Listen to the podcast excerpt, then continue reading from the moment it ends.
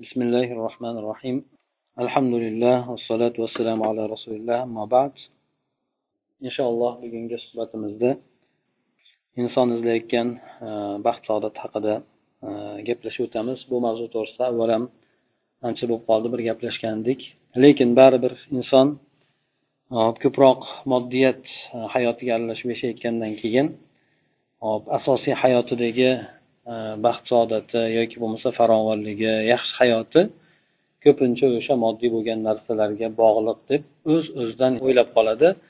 Vaqt o'tishligi bilan esa inson mana shu narsaga sekin sekin ko'nikib boradi. Э, inson ibodatdan oladigan lazzatidan ko'ra ko'proq moddiy bo'lgan narsalarga zohiriy bo'lgan narsalarga qarab o'shalardan lazzat olishlikni boshlaydi. Bu bilan inson eng katta bo'lgan narsasidan mahrum bo'lib qolishligi mumkin.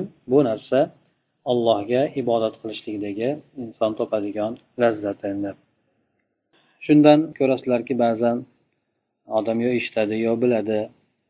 Boy badavlat bo'lgan odamlar o'zlarini o'sha boyliklariga juda katta qurib qo'ygan imorat bo'lsin yoki dengizda olib qo'ygan kateri bo'lsin boshqasi bo'lsin juda bir oshib toshib ketgandan keyin o'sha narsalarga qarab boshida inson bir maza qiladigan bo'ladiyu lekin vaqt o'tishligi bilan bu narsalar odatga aylanib qolib ularda unchalik odamga e'tibori ham qolmay qoladi. Lekin nima bo'lganda ham bular shunaqa narsalar bilan aldanib qolishadi. Biz ham o'shanga o'xshagan moddiy hayotni ichida yashayapmiz.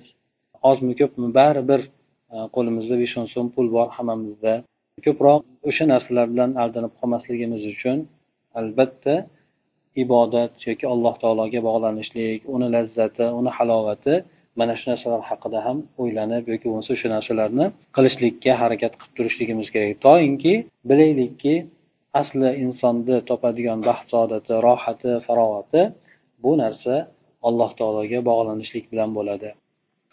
Hop insonda bir e, yashirin bir xazina bor. Bu narsa o'zi umuman bir yashirin xazina borki bu juda qimmatbaho turadi. Qalblar o'sha narsaga bog'liq bo'ladi deydi nafslar o'sha narsaga mushtoq bo'ladi ishtiyoq qiladi. Insonlar o'sha haqida ko'p fikr qilishadi. U haqida izlanib u haqida bir birlari bilan munoqasha qilishadi. Lekin aslini olib ko'radigan bo'lsak odamlar ko'pchiligi harakat qiladiyu lekin ko'pchilik odamlar bu narsadan mahrum bo'lishadi.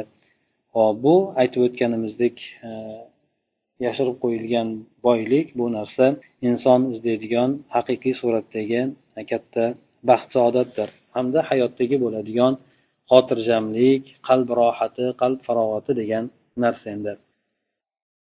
O'sha inson izlayotgan e, baxt saodatini o'zi aslida bilishlik kerakki bu inson izlayotgan farovonlik xotirjamlik rohat insonni ichidan paydo bo'lib chiqadigan narsa tashqi tomondan kiradigan narsa emasdir bu narsa. Ya'ni ichidan chiqadigan narsa ko'proq ma'naviy tomondan yoki insonni ruhiy tomonidan boshlanadigan o'sha insonni ruhiy tomoni his qiladigan narsaki bu insonni tashqi tomonidan kirmaydi ya'ni moddiyat narsalari bilan bu narsa hosil bo'lmaydi balki insonni qalbidagi xotirjamligi allohga bog'lanishligidan hosil bo'ladi. Bu narsa o'sha mana shu e, dindagi baxt saodat manbai mana shu narsaki buni mo'min bo'lgan odam sodiq bo'lgan alloh taologa bir ixlos bilan ibodat qiladigan odam his qiladi buni.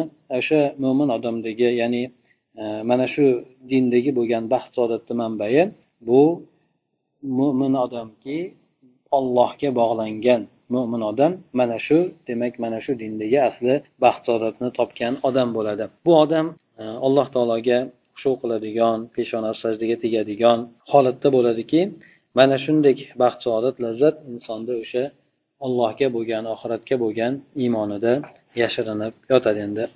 Inson e, qachon baxt saodatga erishadi? Insonni mana hammani hayotdagi bir maqsadi bor. Bu hayotdagi maqsadi alloh taoloni roziligiga erishishlik bo'ladi. Inson o'sha yo'lda ekan bu yo'lda inson ozmi ko'pmi o'sha baxt saodatni rohatni farog'atni his qilayotgan bo'ladi. Garchi insonni hayoti yaxshilik farovonlik bilan yoki boylik bilan o'tayotgan bo'lsin yoki bo'lmasa insonni hayoti yo'qchilik yoki kambag'allik bilan o'tayotgan bo'lsin. Agar payg'ambar sallallohu alayhi vasallamni yoki sahobalarni hayotini qaraydigan bo'lsak bularda har bosqichlarni bosib o'tgan.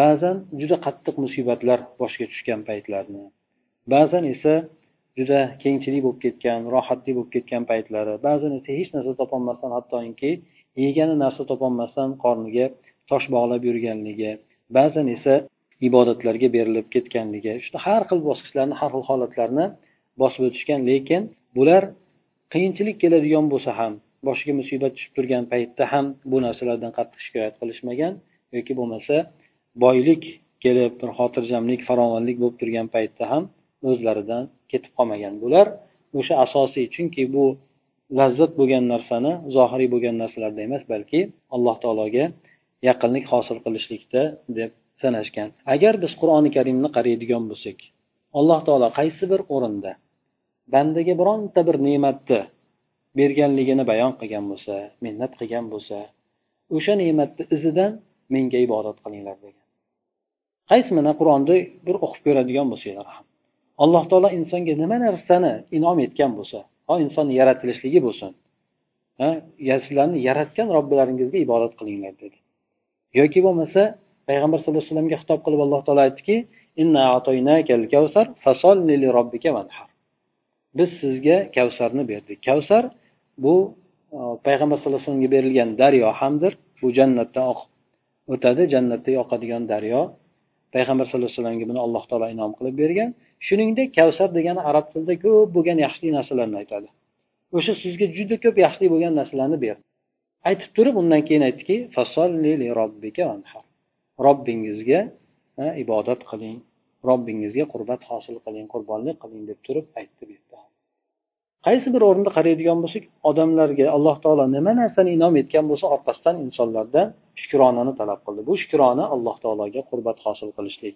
Ana o'sha narsa alloh taolo bergan narsani nima narsa ato etgan bo'lsa u narsani shu baxt saodati yoki bo'lmasa o'sha narsani rohati hosil bo'lishligi alloh taologa bo'ladigan ibodatda bo'ladi. Aks holda esa odamlarni holatlarini qaraydigan bo'lsak aslida ya'ni boyligi ko'p bo'lgan odam juda keng bemalol yashayotgan odam aslida baxt saodat bo'lishi kerak edi. Lekin hayotda esa unday emas chunki ularni hayotlariga yaqin bo'lgan odamlar bular ko'p narsalarni aytib o'tishgan ham ya'ni bularni hayotlarida o'sha juda katta bir narsani ko'p narsani qo'li yetgani bilan qilishlikka imkoniyati bo'lgani bilan topolmayotgan narsalari borki o'sha narsa haqida izlab yuraveradi. Bu narsalarni topganlar ba'zida topadi ba'zida esa topolmaydi. Bu narsalarni topganlari shu din orqali topishadi. Yoki bo'lmasa alloh taologa ikki rakat namoz o'qishlik yoki peshonasini sajdaga qo'yishlikda shunaqa bir inson lazzatni topadiki u narsani boshqa narsalarda topishmaydi. Shundan ba'zi olimlar ham aytganki bir milliarder bo'lgan odam tavba qilib ibodatga kirgan paytini e, tasvirlab aytib bergan shunda butun mablag'i orqali topmagan narsani o'sha baxt o'sha narsa bilan topgan. Shuning uchun odamlarni qaraydigan bo'lsak nima narsalarga boshini urishmaydi. Ko'ngliga kelgan narsani qilishadi. U narsada izlab ko'radi bir xotirjamlikni bu narsada izlab ko'radi. Nima narsa bo'lsa qiladi lekin ularni hech qaysi birida insonni o'zini qanoatlantiradigan narsani topmaydi. Aksincha insonni agar ollohdan uzoq bo'ladigan bo'lsa u narsalari vaqtinchalik bir insonga bir farovonlik yoki rohatni beradida bir muddatdan keyin u narsa o'zini quvvatini kuchini yo'qotadi endi. Shuningdek alloh taolo insonlarga beradigan ne'matlarida shu baxt saodatda gunohlarda ham qilib qo'ymadi. Gunohda ham inson ozroq bir lazzatni rohat topishi mumkin lekin bu juda qisqa bo'lgan narsa. Qisqa muddat. U narsa birozdan keyin insonni hatto shu dunyoni o'zida ham qiyin bir holatiga solib qo'yadi. Oxiratdagi holati esa bundan ko'ra qattiqroq bo'ladi. Boylikda musibat bo'lib kelganligini inson mana ba'zi odamlarni holatida ham ko'rishligi mumkin. Tillani haqida aytishadiki o'zi ovozi chiqmaydi lekin uxlatgani qo'ymaydi deydi. Lekin bu insonga rohat berishi kerak edi. O'zi aslida rohat bermaydi chunki xotirjamligini yo'qotadi. Undan tashqari boy badavlat bo'lib yashayotgan prezidentlar bo'lsin boshqalar bo'lsin haqiqatdan bularda xotirjamlik bormi? Xotirjamlik yo'q bularda. Aslida o'sha boyligini ustida yo'q. O'sha qilayotgan ishida xotirjamligi yo'q bularda. Lekin u narsani o'ziga yarasha ancha narsalarni ado etishlik yoki bajarishlik qilishlik imkoniyati bo'lgan taqdirda ham lekin boyligini o'zidan ajrab qolishligi juda katta musibat yoki mansabidan ajrab qolishligi juda katta musibat.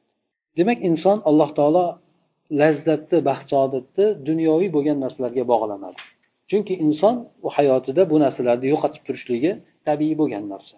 Demak u narsani yo'qotsa inson baxt saodatni boshqa narsasini yo'qotishligiga to'g'ri kelib qoladi. Aslida esa alloh taolo insonga baxt saodatni yo'qolmaydigan narsada berdiki bu narsa aytib o'tganimizdek alloh taoloni o'ziga bog'lanishlik. Inson bu narsani oxirgi hayotigacha hayotini oxirgi lahzalarigacha bu narsadan agar shuni mahkam tutadigan bo'lsa bundan ajramasdan yashashligi mumkin bo'ladi. Payg'ambar sallallohu alayhi vasallam hadislarida ham aytib o'tgan e, iymon halovatini topgan odam haqida uchta narsa borki bunda inson iymon halovatini qaysi bir insonda bu narsa bo'ladigan bo'lsa iymon halovatini topadi dedi. Iymon lazzatini topadi dedi. Bu narsalardan birinchisi olloh va rasuli u insonga hammasidan hamma narsadan ko'ra suyumliroq bo'lishligi dedi. Inson aytaylik bironta kimsani juda qattiq yaxshi ko'radigan bo'lsa uni eslashligi bilan uni ko'rishligi bilan uni eshitishligi bilan u haqida xabarlarni bilishligi bilan inson ko'nglida bir ancha bir xotirjamlik shunaqa ko'nglida bir quvonch degan narsa paydo bo'ladi. U odamga yetgan narsa ancha insonni quvontiradi. Endi inson agar alloh taoloni yaxshi ko'radigan bo'lsa alloh taolo haqiqatdan yaxshi ko'rilishlikka loyiq bo'lgan zot chunki insonga hamma narsani berdi. Alloh taologa bo'lgan muhabbat insonda uzilmaydi. Insonni bir yaxshi ko'rishlik ba'zan insonni dushmaniga ham aylanib qolishligi mumkin. Juda yaxshi ko'rgan odam ba'zan inson teskari bo'lib dushmaniga aylanib qolishligi mumkin. Hattoki farzandi bo'lsin oilasi bo'lsin yaqin odam bo'lsin. Lekin inson agar ollohni yaxshi ko'radigan bo'lsa ollohni dushmaniga aylanib qolmaydi. Alloh taolo uni dushmaniga aylanib qolmaydi. Aksincha alloh taolo uni juda qiyin bo'lgan holatlarda ham u insonga yordam beradi yordam tashlab qo'ymaydi. Kengchilik bo'lgan o'rinlarda ham alloh taolo uni alloh taoloni esdan chiqarmaydi. Bu birinchisi olloh va rasuli insonga eng suyumli bo'ladigan bo'lsa dedi. Ikkinchisi bir odamni yaxshi ko'radigan bo'lsa haqiqatdan xudo uchun yaxshi ko'rsa dedi. Ha ya'ni bir inson bir odamni yaxshi ko'radi mana dunyoviy nimalarda mansabi uchun yaxshi ko'rishi mumkin puli uchun yaxshi ko'rishi mumkin. Bu narsalar insonlarni o'rtasida o'sha narsani yo'qolishligi bilan o'rtadagi bo'lgan do'stlik yo'qolaveradi aksincha u narsani yaxshi ko'rib turgan odam birpasda o'sha narsasi yo'qolsa dushmanga ham aylanishi mumkin. Yordamchisi ham tashlab qo'yishi mumkin. Lekin xudo uchun yaxshi ko'radigan bo'lsa inson bunday qilmaydi. Xudo uchun yaxshi ko'rishligi degani inson o'zimizni tilimizda oxirat uchun do'st bo'lishlik degani dunyodagi har qanaqangi qiyinchilik paytda uni yordam tashlab qo'ymaydi. Oxiratda ham o'sha bandalar alloh taoloni nimasida bo'ladi e'tiborida bo'ladi. Hamda alloh taolo ularni nurdan bo'lgan minbarlarga qo'yadi. Yana undan tashqari soyada bo'ladigan kimsalarni qatorida bo'ladi. Hech kim yordam berolmagan o'rinda ham o'sha olloh uchun yaxshi ko'rgan birodari qiyomatda yordam berolmaydi. Ana o'shandek e, birodarni topgan bo'lsa bu haqida oldin ham gapirib o'tgandik. Bu inson iymon halovati nimaligini biladi? Ya'ni haqiqiy bir mo'min birodarni topgan odam iymon nimaligini biladi? Iymon nima narsa ekanligini biladi hamda iymon halovatini mazasini o'shanda biladi. Ha haqiqatdan mo'min odam mana shunaqa bo'lar ekan. Har qanaqangi holatda sendan yuz o'girmaydigan degan maqsad endi uchinchisida aytadiki uchinchi xislati haqida ya'ni bir odam kufrga qaytishligini xuddi o'tga tashlanishligini yomon ko'rgani kabi kufrga qaytishligini yomon ko'radi deydi. Bunda ham inson iymon halovatini biladi. Ya'ni kufrdan u inson najot topdi. Kufrga qaytishligi iymondan mahrum bo'lishligiga sabab bo'ladi. Ya'ni inson har qanaqangi oqil bo'lgan inson hech qanday hech qachon o'zini bir o'tga urmaydi. O'zini o'tga tashlab yubormaydi shunday ekan bir iymonni mazasini bilgan odam o'zini hech qachon kufrga tashlamaydi. Hayot mazasini bilgan odam o'zini o'tga tashlamaydi. Demak iymon xislatini bilgan halovatini bilgan odam o'zini kufrga tashlamaydi. Qachoniki inson iymoni judayam zaif bo'lib iymondan ajrab qoladigan darajada bo'lsa insonda kofir bo'lishligi mumkin. Hali iymon halovatini topmagan bo'lsa lekin iymon halovatini ozgina topgan bo'lsa inson undan qaytmaydi. Shuning uchun herakl aytgan paytda payg'ambar sallallohu alayhi vasallamni e, haqida abu sufyondan so'rayotgan paytda u dinga kirgan odamlar qaytyaptimi dindan deganda abu sufyon aytadiki yo'q unga kirgani demak u dinni tashlab ketmayapti deganda herakl aytganki ha haqiqatdan iymon qachoniki qalbga aralashadigan bo'lsa inson undan ya'ni o'zini mahrum qilmaydi undan mahrum bo'lishlikka rozi bo'lmaydi degan. Ya'ni inson qalbiga iymon qachoniki o'rnashadigan bo'lsa unda inson o'zini xoli qilmaydi. Bu demak shu payg'ambar alayhissalomni iymon halovatini ba'zi holatlarda topishlik mumkinligi to'g'risidagi ko'rsatmalarni aytgan uchta narsasini aytib o'tdi. Yana boshqa o'rinlarda ham aytib o'tadi. Demak inson ana o'shanday bo'lgan tuyg'ularni inson his qilishligi o'shanday halovatni insonlar topishligi buni haqiqatdan inson topadigan bo'lsa buni aytib o'tganlar ham bor. Ya'ni e, agar podsholar bizni topayotganda o'zimizni biladigan bo'lganda edi unga bizga qilich ko'tarib kelishardi. Bizdan tortib olishlikka harakat qilar edi bu o'sha iymon halovati alloh taologa bog'lanishlik lazzati hamda ibodat lazzati. Mana shu narsalar. Chunki podsho buni aytganligini sababi podsholarda bunaqa lazzat yo'q. Aytib o'tgandek vaqtincha vaqtincha bo'ladigan lekin orqasidan hasrat nadomat qoldiradigan ozgina bo'lgan lazzatlar bor. Bu narsalarni tashlashib o'sha ibodat lazzatiga kelishgan bo'lardi. Bular biz totayotgan mazani bilmaydi bilganda kelardi qilich ko'tarib deb aytadi.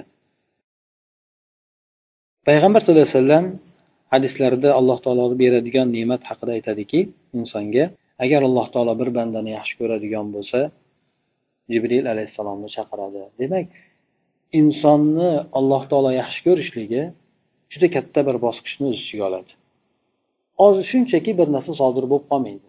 Ya'ni bir inson bir insonni yaxshi ko'radigan bo'lsa shunchalik bir o'rtacha hech qanaqa bir inson hech kimga indamasdan bir yaxshi ko'rib qo'yishligi mumkin. Lekin agar alloh taolo bir insonni yaxshi ko'radigan bo'lsa butun yer osmonni oyoqqa turgizadi deydi. Ya'ni alloh taolo bir bandani yaxshi ko'radigan bo'lsa jibrilni chaqiradi. Jibril alayhissalomga aytadiki ey jibril men palonchi bandani yaxshi ko'rdim uni siz ham yaxshi ko'ring deb aytadi. Jibril alayhissalom keyin keyin boshqa farishtalarga nido qiladida aytadiki alloh taolo falonchi bandani yaxshi ko'ribdi sizlar ham u bandani yaxshi ko'ringlar deydi ular yaxshi ko'rgandan keyin u bandaga nisbatan osmon ahli yaxshi ko'radida keyin yer yuzida u odamga nisbatan odamlarni qalblarida qabullik qo'yiladi deydi ya'ni odamlar u odamni yaxshi ko'radi ya'ni qabul qiladigan darajada bo'lib qoladi. Deydi shunga o'xshagan demak odamlar nimada bo'lgan? Mana aytaylik payg'ambar alayhissalom bo'lsin abu bakr bo'lsin boshqalar bo'lsin ya'ni ummatni ichida juda katta muhabbati qo'yilgan bularga. Payg'ambar alayhissalomga xosatan u dushman bo'lsin dushmanlardan boshqalar bo'lsin ko'pchilik insofli bo'lganlari u kishiga nisbatan hatto insof adolat nuqtai nazaridan ham qaragan. Chunki payg'ambar sallallohu alayhi vasallamni holati boshqalardan farq qiladi. Bu kishini hayotlari ertamandan kechgacha bo'lgan hayoti bo'lsin. O'sha payg'ambarlik kelishligi davridan boshlab to vafotlarigacha bo'lsin hammasi oshkor bo'lgan. Payg'ambar alayhissalomni bir maxfiy bo'lib qolgan hayoti bo'lmagan. Oilasidagi hayoti hatto oilalar bilan qanday qo'shilishligi bo'lsin qanday hojatga kirib chiqishligi bo'lsin tahorat qanday olishligi bo'lsin hamma narsa nima narsaiki bo'lgan bo'lsa payg'ambar alayhissalomda shu narsalarni rivoyat qilishgan. Ya'ni u kishida odamlar birontasi bir uyatli bo'ladigan yoki bo'lmasa hijolatli bo'ladigan bir hayotida bironta narsa bo'lmagan. Har bitta insonni boshqa insonni olib ko'radigan bo'lsak insonni o'zini hayotida boshqalari bilishligiga bo'lmaydigan bilsa uniy bo'ladigan holatlari bo'ladi insonda. Uyda boshqa ko'chada boshqa boshqa bo'ladi. Lekin payg'ambar alayhissalomni hayotlarida hech qanaqa hattoki shunday bo'lgan zotga ham odamlar qilishdi. Har xil narsalarni aytishdi. Demak bu narsa alloh taoloni qonunidan ekanki yaxshilikda bo'lgan odamlarga nisbatan boshqa odamlar ro'para kelolmaydida balki orqa orobdan hammasi demak ularga nisbatan tuhmat shunga o'xshagan narsalarni aytishligi. Demak inson alloh taologa bog'lanishligi bu insonga haqiqiy suratdagi baxt saodatni olib kelishligi agar inson allohga bog'lanadigan bo'lsa alloh taolo uni yaxshi ko'rib qolishligi bor. Ha, ya'ni hadisda keladiki banda menga eng yaqin bo'ladigan narsasi men farz qilgan amallarimni qilishligi bilan bo'ladi. Keyin nafl ibodatlarni qilishlik bilan banda menga yaqinlashib boraveradi. Hattoki u bandani yaxshi ko'rib qolaman. Agar men u bandani yaxshi ko'radigan bo'lsam ko'radigan ko'zi eshitadigan qulog'i yuradigan oyog'i ushlaydigan qo'li bo'laman. Nima narsani mendan so'rasa u bandaga beraman nima narsadan mendan panoh so'rasa albatta panohimga olaman deb keladi. Undan tashqari yana boshqa bir hadisda qaysi bir banda meni do'stimga nisbatan dushmanlik qiladigan bo'lsa men unga nisbatan urush e'lon qildim deb aytgan. Qaysi bir banda alloh taoloni yaqin do'stiga nisbatan adovat qiladigan bo'lsa alloh taolo unga nisbatan dushmanlik e'lon qildim degan. Demak insonni alloh taologa bog'lab turadigan narsa mana shu narsa insonga baxt saodatni ado etadi. Bu narsani inson hayoti mobaynida bu rohatini buni farovatini totishligi ham mumkin bo'ladi. Hasan basir rahimaulloh demak mana shu alloh taologa bog'lanishlik asoratini bandani hayotiga bo'lgan ta'sirini bilib aytgan ekanlarki bu kishidan so'ralgan paytda ya'ni kechasida ibodat qiladigan odamlarni ko'ramizki nimaga endi bularni yuzlari nurlik bo'ladi? Ha kechasida ibodat qiladigan odamlarda yana xuddi shunday nurli bo'ladigan odamlarda ibodat namoz o'qiydigan odamlarda ham o'ziga yarasha nurli bo'ladi. U ho qora tanli bo'lsin oq tanli bo'lsin qanaqa tanli bo'lishidan qat'iy nazar. Bundan ham yana nurli bo'ladigani kechasida ibodat qiladigan odamlarda nur ko'proq bo'ladi dedi.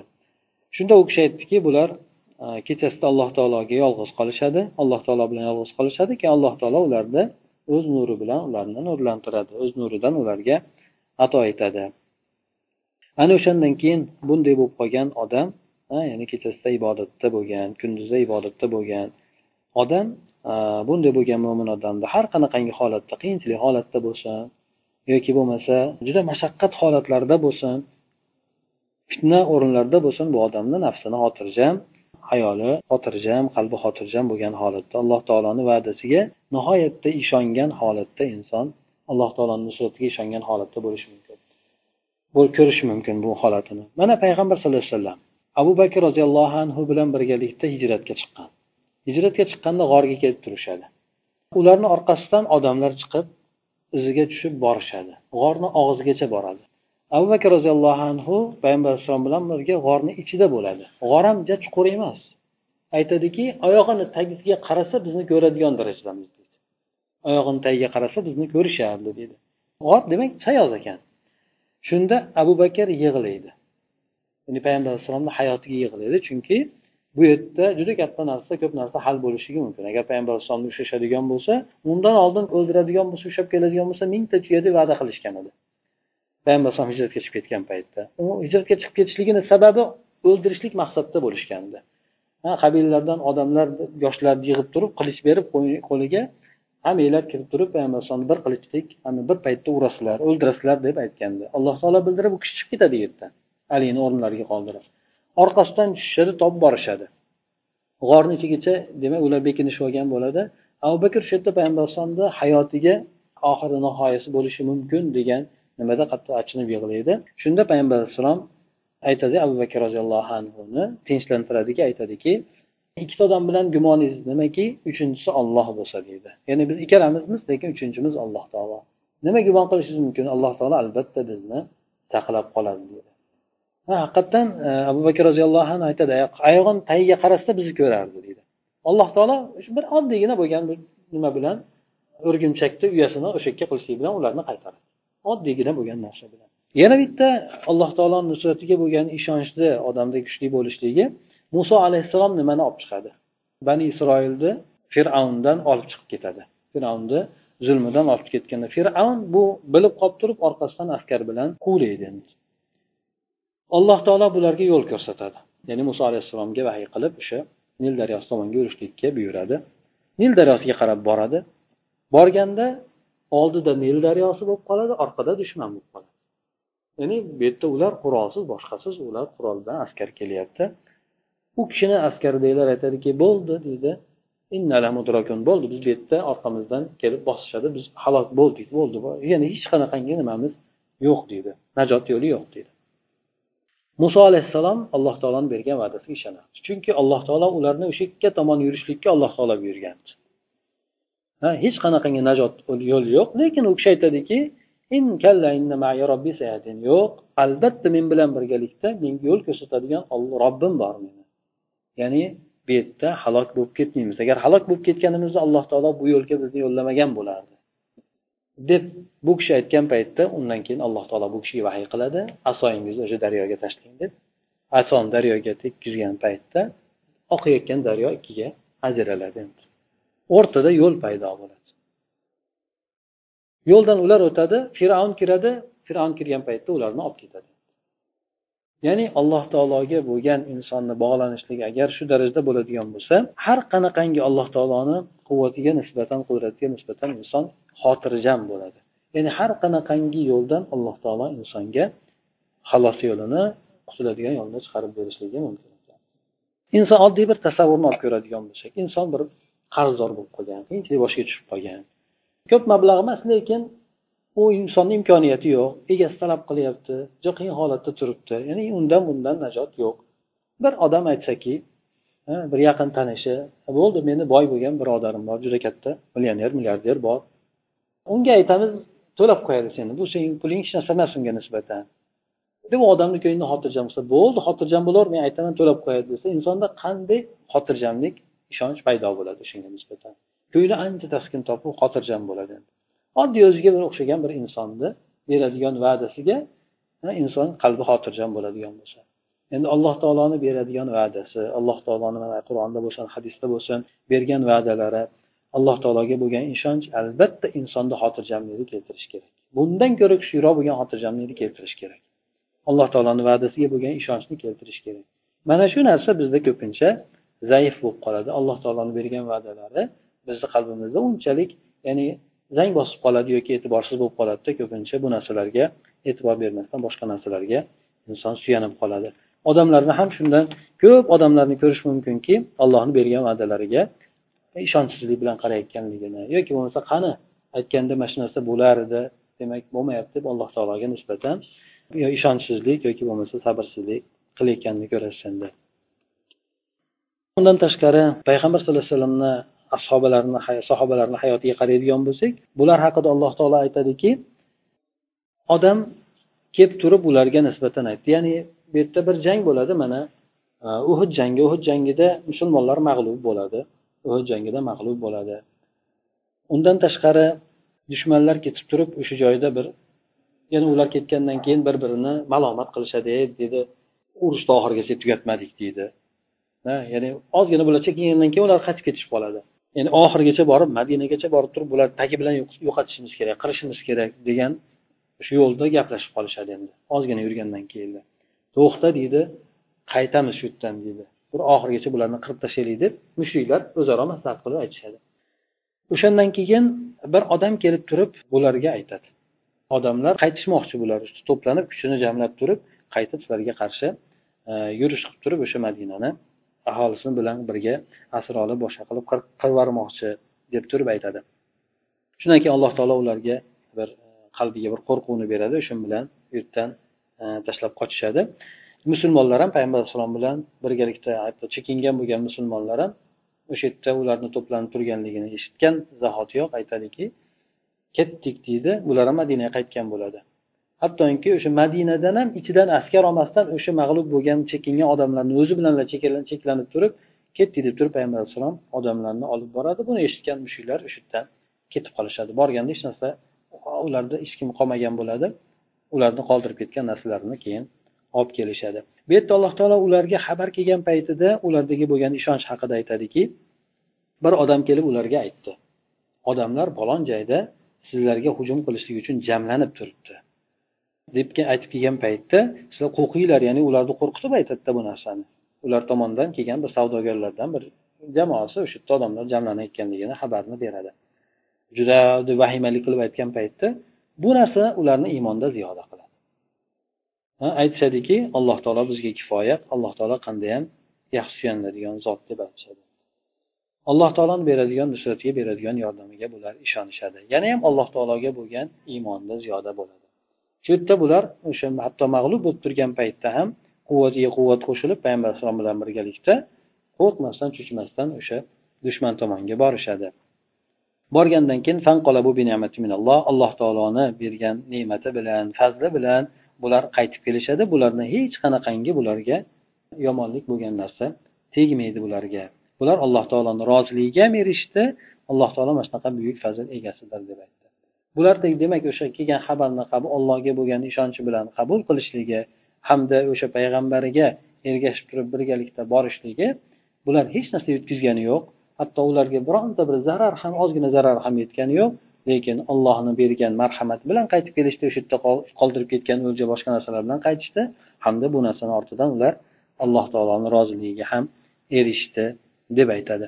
Demak inson qachoniki alloh taoloni bergan va'dasiga ishonadigan bo'lsa alloh taologa avvalo suyanchi e, alloh taologa bog'lanishligi kuchli bo'lsa albatta alloh taoloni bergan va'dasiga ham qattiq ishonadi. Inson bu ishongan paytida insonga hech narsani yetkazmaydi balki aksincha ko'p narsani yutadi. Birinchidan alloh taoloni roziligiga erishadi inson o'sha orqali. Undan tashqari alloh taolo insonni qalbiga xotirjamlikni beradi. Bu bilan birgalikda dunyoviy bo'ladigan narsa agar erishadigan bo'lsa unga ham erishishligi mumkin bo'ladi. Bu yerdagi eng katta bo'lgan narsa ularni qattiq yomon xabar kelib turgan paytda ularni qalbiga alloh taolo xotirjamlikni solib qo'yishligi bo'ldi. Mag'lubiyatni o'z ko'zi bilan ko'rib qancha odamidan ajrab turgan odamlar bu katta qo'shin jamlanib turibdi o'sha qaytib kelayotgan qaytib kelar ekan desa aksincha qo'rquvga tushib tirab qolish kerak edi. Bola chaqasidan boshqasidan qo'rqib. Lekin bularda bu narsa sodir bo'lmadi. Aksincha alloh taolo bularga qalbiga o'sha xotirjamlikni solib qo'ydi. Mo'min odamni qalbi alloh taologa bog'lanadigan bo'lsa bu odam o'zini qalbida o'sha alloh taoloni beradigan fazli bilan alloh taologa bo'ladigan yo'liqishlik bilan qalbida bir xursandchilik paydo bo'ladi. Agar inson alloh taologa qattiq bog'lanadigan bo'lsa bu odam ko'pincha allohga tezroq uchrashlikni yaxshi ko'rib qoladi. Ya'ni xuddi bilol roziyallohu anhu aytganlaridekki bu kishi o'sha umrlarini oxirgi paytlarida ya'ni o'lim to'shagida yotgan paytlarida bir xursand bo'lgan holatda bu kishini ko'rgan paytda e, o'sha atrofdagilar ajablanishgan ya'ni xursand bo'lishlik sababini so'rashgan paytda aytadiki ertaga inshaalloh men ya'ni eng mahbublarimga ya'ni suyumli bo'lgan kimsalarga yo'liqaman. Muhammad sallallohu alayhi vasallamga u kishini sahobalariga yo'liqaman deb aytadi ya'ni alloh taologa bo'lgan bog'lanishligi bu kishini qalbiga shu o'rinda ham xursandchilikni keltirgan endi. Ya'ni alloh taolo bunga ham ishora qilib mo'minlarda bu narsaga buyurib ham aytadi. Alloh taolo tomonidan insonga beriladigan narsa alloh taoloni yordami bu alloh taoloni fazli rahmati bilan bo'ladi. Bular ana o'sha narsalarga bular xursand bo'lsinlar. Alloh taolo bergan narsaga ne'matlarga bular xursand bo'lsinlar. Mana shu narsa ular o'zi jamlayotgan boylik hamma narsasidan ko'ra shu narsa yaxshiroq edi. Alloh taologa inson qalban eh, bog'lanib o'sha qalbida rohatni yoki bo'lmasa qalbida xursandchilikni paydo bo'lishligi mana shunday holatda bo'lishsin dedi bular. Bu narsa ularni jamlayotgan butun boylik hamma narsasidan ko'ra yaxshiroq bo'ladi dedi. Ba'zida bir shoir aytgan ekanki agar sen tomondan alloh taologa nisbatan ya'ni bu dunyo hayoti juda achchiq alamli bo'ladi ya'ni o'sha allohga bog'lanadigan bo'lsang sen bir e, halovatda bo'lasan o'zi aslida hayot dunyo qiyinchilik bilan bo'ladi. Sen e, hayotingga rozi bo'lasan insonlar esa hayotidan g'azablanayotgan bo'ladi norozi bo'layotgan bo'ladi. Sen allohga bog'langan uchun har holatda inson rozi bo'ladi. Payg'ambar alayhissalom aytganlar mo'min odamga ishiga ajabo unga musibat yetadigan bo'lsa sabr qiladi bu ham unchun yaxshilik. Alloh taoloni fazli rahmati keladigan bo'lsa biror ne'matini beradigan bo'lsa unga shukur qiladi bu ham unga yaxshilik. Ya'ni inson ikkala holatda ham ajrli bo'ladi degan musibat tushgan o'rinda ham alloh taoloni ne'mati berilgan o'rinda ham deydi. Demak sen hayotingdan mamnun bo'lasan rozi bo'lasan hatto inson qamoqda yotgan bo'lsin yoki qasrda yotgan bo'lsin agar allohga bog'lanadigan bo'lsa shuni holatidan ya'ni bu narsa alloh taoloni bergan taqdiri yoki bo'lmasa o'zini kamchiliklari bu narsalar gunohlari kafforat bo'lishligi mana shu narsalarni ortidan o'zini turgan holatiga inson rozi bo'ladi. Ya'ni alloh taolo men uchun tanlagan narsa men o'zim uchun tanlaydigan narsadan ko'ra yaxshiroq deb biladi. Ya'ni alloh taolo shu narsani menga ravo ko'ribdi bu narsa men o'zim tanlashimdan ko'ra yaxshiroq deb inson biladi. Demak u inson mamnun bo'ladi rozi bo'ladi hayotdan butun insonlar esa ozgina qiyinchilik boshiga musibat tushadigan bo'lsa hamma narsadan g'azablanadi.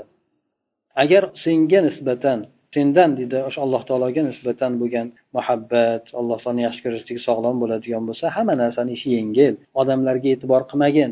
Chunki tuproq ustida bo'lgan hamma narsa u ham tuproq deganda tuproq ustida bo'lib turgan narsa hammasi tuproq ya'ni tuproqqa aylanadi bu odamlar hech qanaqangi nimasi bo'lmaydi.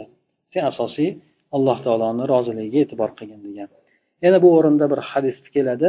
Qaysi bir inson agar ollohni odamlarni roziligini istab ollohni g'azabini keltiradigan ishni qiladigan bo'lsa alloh taolo undan g'azab qiladi odamlarni ham g'azablantirib qo'yadi. Agar inson olloh insonlarni g'azablantiradigan bo'lsa ham lekin allohni rozi qiladigan ishni qiladigan bo'lsa alloh taolo undan ham rozi bo'ladi odamlarni ham undan rozi qilib qo'yadi degan. Demak inson oqibatga uzoqroq oqibatga qarash kerakki yaqin inson ko'radigan narsasi allohni g'azabi kelsa ham insonlar mendan mamnun bo'lsa xursand bo'lsa bo'ldi degan narsani qiladigan bo'lsa yaqin biroz muddat o'tgandan keyin ishlar teskariga ketadida odamlarni unga nisbatan nafrat g'azab paydo bo'lib qolaveradi. Bu narsa demak payg'ambar alayhissalom bergan xabarlarda o'z aksini topadi. Inson agar alloh taologa o'sha bog'lanishlik ne'matini bilib qoladigan bo'lsa ne'mat ekanligini biladigan bo'lsa ya'ni bunga hech qanaqangi bir dunyoviy bo'lgan narsalar barobar kelmaydigan darajadagi ne'mat ekanligini biladigan bo'lsa bu narsadan inson ziyodalikni xohlab qoladi.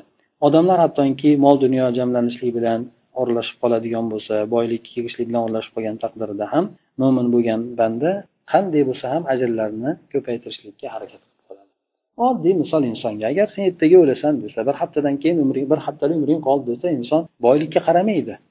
Boyligiga uncha e'tibori bo'lmaydi qizig'i bo'lmaydi. Ko'ziga u boyligi chiroyi hech narsa ko'rinmay qoladi. Har qanaqangi narsasi bo'lsa ko'ziga ko'rinmay qoladi. Bu qanday bo'lsa ham o'sha bir yaxshilik qilib qolishligi yoki bir yaxshilik qoldirib qolishligiga harakat qiladi. Inson bir haftadan keyin o'ladimi bilmaydiyu. Ya'ni ertaga bormi yo'qmi yo'qmi? Xudo biladi endi. Demak o'sha mo'min bo'lgan odam agar haqiqatdan alloh taoloniga bog'lanishlik ne'matini biladigan bo'lsa bu ajrlardan ko'paytirishlikka harakat qiladi. Mana shu narsa demak sahobalarni o'rtasida ham bo'lgan bir hadisda keladiki sahobalarni o'sha ba'zi kambag'alroq bo'lgan sahobalar payg'ambar alayhisalomni oldiga kelishadi. Aytadiki boy birodarlarimiz ajrlarini olib ketyapti. Biz namoz o'qiganimiz kabi namoz o'qiydi. Ro'za tutganimiz kabi ro'za tutadi lekin ular oshiqcha nimani sadaqa qilishadi. Biz qilolmaymiz deganda payg'ambar alayhisalom aytgan alloh taolo sizlarga ham sadaqa qiladigan narsani berib qo'yganu takbir aytsanglar sadaqa bo'ladi tahlil aytsanglar sadaqa bo'ladi hamd aytsanglar sadaqa bo'ladi amri ma'ruf nahiy munkar qilsanglar sadaqa bo'ladi. Hattoki ayollarni og'ziga beradigan luqmada ham alloh taolo sizlarga ajrni beradi degan ya'ni hamma narsada inson ajrni olishligi mumkin. Lekin boshqa bir rivoyatida keladi. Muhojirlar payg'ambar alayhisalomni oldiga kelib aytadi. Boy birodarlarimiz ham o'sha aytgan narsalaringizni eshitib qolib uni qilishyapti ular ham. Ha ya'ni ular ham o'sha ajrlarni ya'ni bu jamiyat shunaqa bo'lgan ekan. Odamlar asosan ya'ni birovlarga yaxshilik qilishlik o'zi uchun yaxshilik qilishlik birovlarga yaxshilik qilishlik mana shu narsa ularni o'rtasida keng yoyilgan ekan. Bo'lmasa aytaylik boylar o'sha qilayotgan sadaqasi bilan chegaralanib qolsa bo'laverardi ha biz qilyapmizu biz ham deb turib. Yo'q ular ortiqcha darajadagi ajrni xohlaganligidan payg'ambar alayhisalom kambag'allarga qanaqa ko'rsatma bergan bo'lsa boylar ham o'sha narsani qilayotgan ajriga e, sadaqalariga qaramasdan qilishgan. Shuni kelib aytishganda payg'ambar alayhisalom aytganlar keyin endi bu endi alloh taoloni fazli xohlaganiga beradi ya'ni alloh taolo ham boylik berib uni yaxshi yo'lga sarflaydigan qilib qo'yishligi bu ollohni ishi endi. Ya'ni bu narsani hech kim e, nima qilolmaydi qarshi turolmaydi deb aytadi endi. Insonni alloh taologa bo'lgan bog'lanishligi payg'ambar alayhisalom aytganlar ya'ni inson doimiy holatda allohga bog'lanib yurishligi. Birov kelib so'ragan paytda aytganki tiling doimo alloh taoloni zikri bilan nam bo'lib yursin deb aytadi ya'ni menga doim qiladigan bir amalni menga aytsangiz o'shani qilib yursam deganda doim alloh taoloni zikr qilib yurgin deb aytgan endi. Tiling alloh taoloni zikri bilan. Ya'ni bu narsa ham insonni allohga bog'lanishligi bir ojiz bo'lgan zaif bo'lgan qo'ldan bir qaraydigan bo'lsa hech narsa kelmaydigan hamma narsasi insonga bunday aytganda hech bir foyda qilmaydigan o'rinlar bo'lib qoladi. Shunday bo'lib qolgan shunaqa inson alloh taolo o'zi ruxsat berdi o'ziga bog'lanishlikka. Xohlagan paytida bog'lanishlikka ruxsat berdi. Hattoki doimiy suratda bog'lanishlikka aloqa qilishlikka ruxsat berdi. Olib ko'rsak nima uchun bir shaxsiy bir fikr bunday aytganda nima uchun? Yaponni zilzila oldi. Bunaqa sunami boshqa narsasi. Bularga keldi bu narsa. Ehtimol bu alloh taolo ko'rsatib qo'yishni xohlagandir ko'rsatib qo'ymoqchi bo'lgandir. Insoniyat texnika taraqqiyotidan eng rivojlangan joy o'sha joy hisoblanadi. Dunyoda texnika taraqqiyoti bo'lsa eng rivojlangan joy hisoblanadi. O'sha joyda insonlar hech narsa qilolmasdan ojiz qoldi. Hech narsa qilolmadi. Ozgina kelgan zilzila yoki bo'lmasa o'sha sunami boshqa narsasi juda katta bir talofatni yetkazdi bu bir alloh taolo bir ko'rsatib qo'ydi xolos. Bir bo'lak bir juzgina kichkinagina bir narsani berdi xolos. Buni ortidan agar kattaroq narsa keladigan bo'lsa ham yani insonlar hech narsa qilolmaydi. Shunday ojiz bo'lgan holatda qoladi. Ya'ni kattaroq narsani ham berishligi mumkin edi. Ya'ni insonlar har qanaqangi kuch quvvatga ega bo'lmasin taraqqiyotga texnikaga ega bo'lmasin bu narsalari alloh taolo agar biron narsani xohlaydigan bo'lsa uni oldida hech narsa bo'lmay qolar ekan ollohni ozginagina o'sha suvni toshqinda kelayotganini agar ko'rgan bo'lsanglar ya'ni sekin suratda shunday kelib turib hamma narsasini olib ketdi. Yo'lda hech narsa ya'ni u sekin kelayotgan suratdagi suv uylarni o'pirib boshqa qilib shu hali u juda katta bir nimada kelgani yo'q. Tog'dan oqib keladigan darajada katta bir quvvat bilan kelgani yo'q unday qilib qo'yishlikka ham alloh taolo qodir bo'ladi. O'sha kichkinagina bo'lib kelgan bir muddat bir qisqa muddatda bo'lgan narsasi yuz milliard zarar keltirdi deyapti. Hali olloh saqlab ana reaktori umumiy qoldi deyapti. Endi ozgina bo'lgan ko'p bu agar u ham ketganda juda katta talofat bo'lardi o'sha atroflariga hamma narsaga talofat qo'ygan bo'lardi. Bu narsani ham ular har xil narsaga yo'yadi ya'ni moddiy narsaga yo'yadi u balo ya'ni alloh tomonidan ya'ni chunki ular dinsiz bo'ladi dinsiz bo'lgandan keyin hamma narsani moddiy narsaga yo'yadi ya'ni o'sha yerlarda yoki insoniyat ichida fasod boshqa narsalarni ko'payib ketganligidan bu baloni berilayotganligi emas balki qanaqadir yer o'qida qanaqadir bir o'zgarish bo'lganligi boshqa boshqa narsa bo'lganligi bu narsani olimlar aytishyapti amerikada kutilyapti bundan ko'ra kattaroq bo'ladigan zilzilani deydi kaliforniya yana boshqa bitta joyda ikkita joyida bo'lishiga ehtimoli kuchli deydi. To'qqiz bal atrofida bo'ladi deydi bu sakkizu to'qqiz bo'libdi. Shu narsani nimasi bor? Kutilyapti hozir deydi. Allohu alam endi. Bu insonlar. Lekin shuncha bo'lgan narsada ham ular bilmasdan tasodifan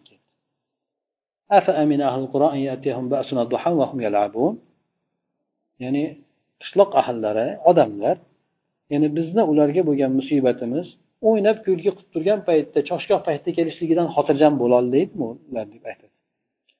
Yoki kechasida kelib qoladigan bo'lsa uxlabda g'aflatda yotgan paytda kelgan paytda ular qutulib qololmaydimi yo kunduz kunda o'ynab kulayotgan paytda kelib qolsa omonda xotirjam bo'lolmaydimi dedi. Ha yo'q xotirjam bo'lmaydi bular. Alloh taolo demak ular har qanaqangi narsasi bo'lsin. Bu narsasidan yuqoriroq suratda tasodifiy suratda beradi. Yoki bo'lmasa aytaylik ular bilib o'sha tadorigini ko'rgan paytda bergan taqdirda ham meni qo'ldan hech kelmaydi ho'p yana bir hadisda keladi. Bir qavm alloh taoloni uylaridan bir uyda jamlanib alloh taoloni kitobini o'rganishadigan bo'lsa tilovat qilishadigan bo'lsa ya'ni din o'rganishadigan bo'lsa ularni xotirjamlik egallab oladi rahmat ularni qoplaydi farishtalar ularni atrofini o'rab oladi degan alloh taolo ularni o'zini huzurida bo'lgan E, farishtalarni o'sha malail alo deb bo'lgan kimsalarni o'rtasida ularni eslaydi zikr qiladi degan endi.